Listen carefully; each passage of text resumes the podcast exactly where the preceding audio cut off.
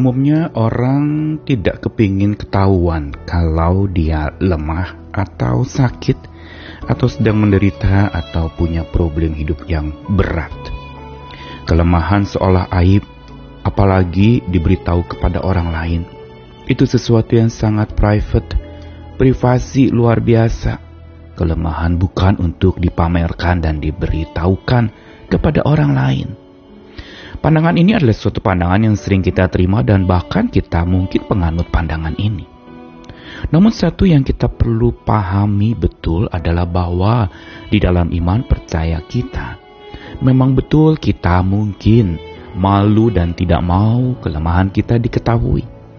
Tapi itu tidak boleh menggantikan sebuah keyakinan iman bahwa Tuhan paling tahu dan maha tahu tentang kelemahan kita dan kepadanya lah kita bisa terbuka tanpa menutupi apa-apa tentang kelemahan kita. Kita bisa mengakui akan segala macam kesakitan kita, ketidakberdayaan kita, penderitaan, bahkan kegagalan kita. Dia tahu kita lemah, tetapi apakah kita mau dia tahu kita lemah? Pada faktanya dia memang tahu. Tapi di sinilah kita belajar dalam iman percaya kita untuk membesarkan hati kita, memberitahu kelemahan kita dan mengakui kita lemah. Karena tanpa kita mengaku kita lemah, walaupun kita tahu Tuhan tahu kita lemah, maka kita tidak akan mudah ditolong. Kita merasa kuat, kita merasa sehat padahal sebenarnya kita begitu lemah bahkan sekarat. Karena itu tanamkanlah dalam hati kita sebuah keyakinan iman yang justru dari keyakinan ini maka kita siap ditolong, yaitu keyakinan bahwa Dia tahu kita lemah. Saya Nikolas Kurniawan kembali menemani dalam Sabda Tuhan. Hari ini masih kelanjutan dari kitab Roma pasal yang ke-8. Kali ini ayat yang ke-25 sampai 27 dibacakan dari Alkitab versi mudah dibaca. Tetapi kita mengharapkan yang belum kita miliki dan menantikannya dengan sabar. Roh juga menolong kita dalam kelemahan kita. Kita tidak tahu bagaimana seharusnya berdoa, tetapi Roh sendiri yang berbicara kepada Allah untuk kita. Roh menyampaikan permohonan bagi kita. Roh berbicara kepada Allah dengan perasaan yang sangat dalam sehingga tidak dapat dijelaskan dengan kata-kata. Dan Allah tahu yang ada dalam hati manusia. Allah juga tahu yang dimaksudkan roh sebab roh berbicara kepada Allah untuk umatnya sesuai dengan yang dikehendaki Allah. Cuplikan dari Roma pasal 8 ini mau memberitahu kepada kita tentang sebuah pengharapan yang dalam, yang kuat bahkan dapat menopang hidup kita di dalam sebuah kelemahan.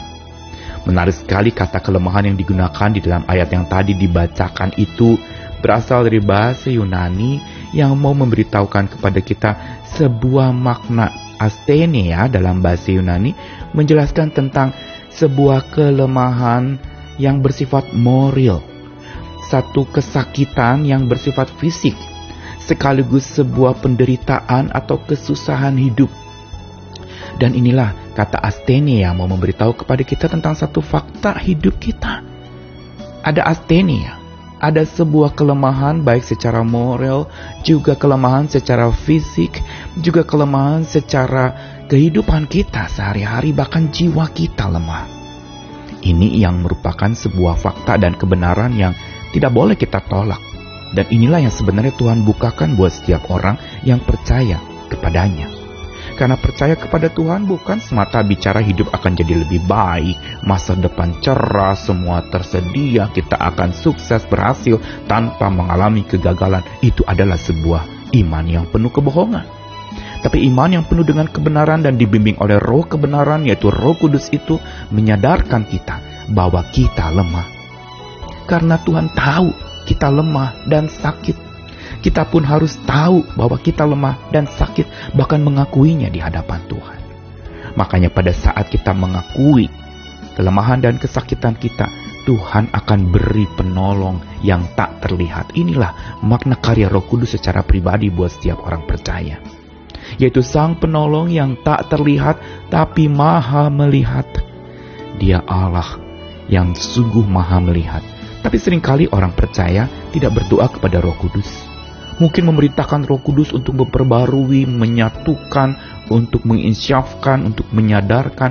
Tapi kita tidak pernah memohon dan berbicara kepada dia, roh kudus yang berpribadi, yang memang tidak terlihat tapi dia maha melihat. Berdoalah kepadanya dan mohonkan dia karena Roma pasal 8 hari ini mau menjelaskan betapa roh itu mengungkapkan apa yang kita mau ungkapkan kepada Tuhan, kepada Allah dengan perasaan yang sangat dalam, bahkan tak terungkapkan dengan kata-kata.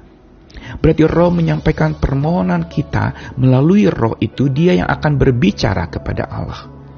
Dan inilah yang diberitahukan dikatakan kita tidak tahu bagaimana seharusnya berdoa, tetapi roh itu menolong kita dalam kelemahan kita lewat doa oleh roh dan di dalam roh. Kepada roh kita berbicara kepada Allah. Karena itu saat kita lemah, ingat kita tidak sendiri. Dia tahu kita lemah dan dia beri penolong yang tak terlihat yaitu roh kudus itu yang maha melihat hidup kita bahkan hati kita yang tersembunyi yang kita tidak mau beritahu kepada orang lain tapi Tuhan maha tahu dan oleh rohnya itu kita kuat dan sehat. Tapi pertanyaannya, maukah kita ditolongnya?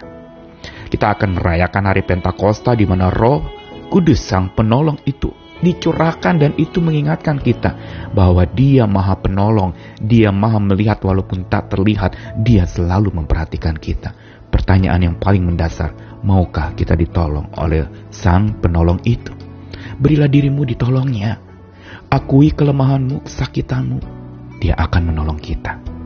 Tanpa kita mengakui, tanpa kita menerima kelemahan dan kesakitan kita, maka kita akan sulit untuk ditolong. Ayo, beri diri kepada bimbingan dan pertolongan Roh Kudus yang kita akan rayakan di hari Pentakosta besok. Curahannya, tuntunannya, pimpinannya kita perlukan. Selamat memasuki dan menjalani hidup yang penuh dengan Roh Pentakosta Roh Kudus yang tercurah membimbing kita orang percaya sehingga tak lagi ada ruang untuk kita menangisi kelemahan kita atau kesakitan kita, tapi serahkanlah kepada Tuhan Sang Maha Tahu. Amin.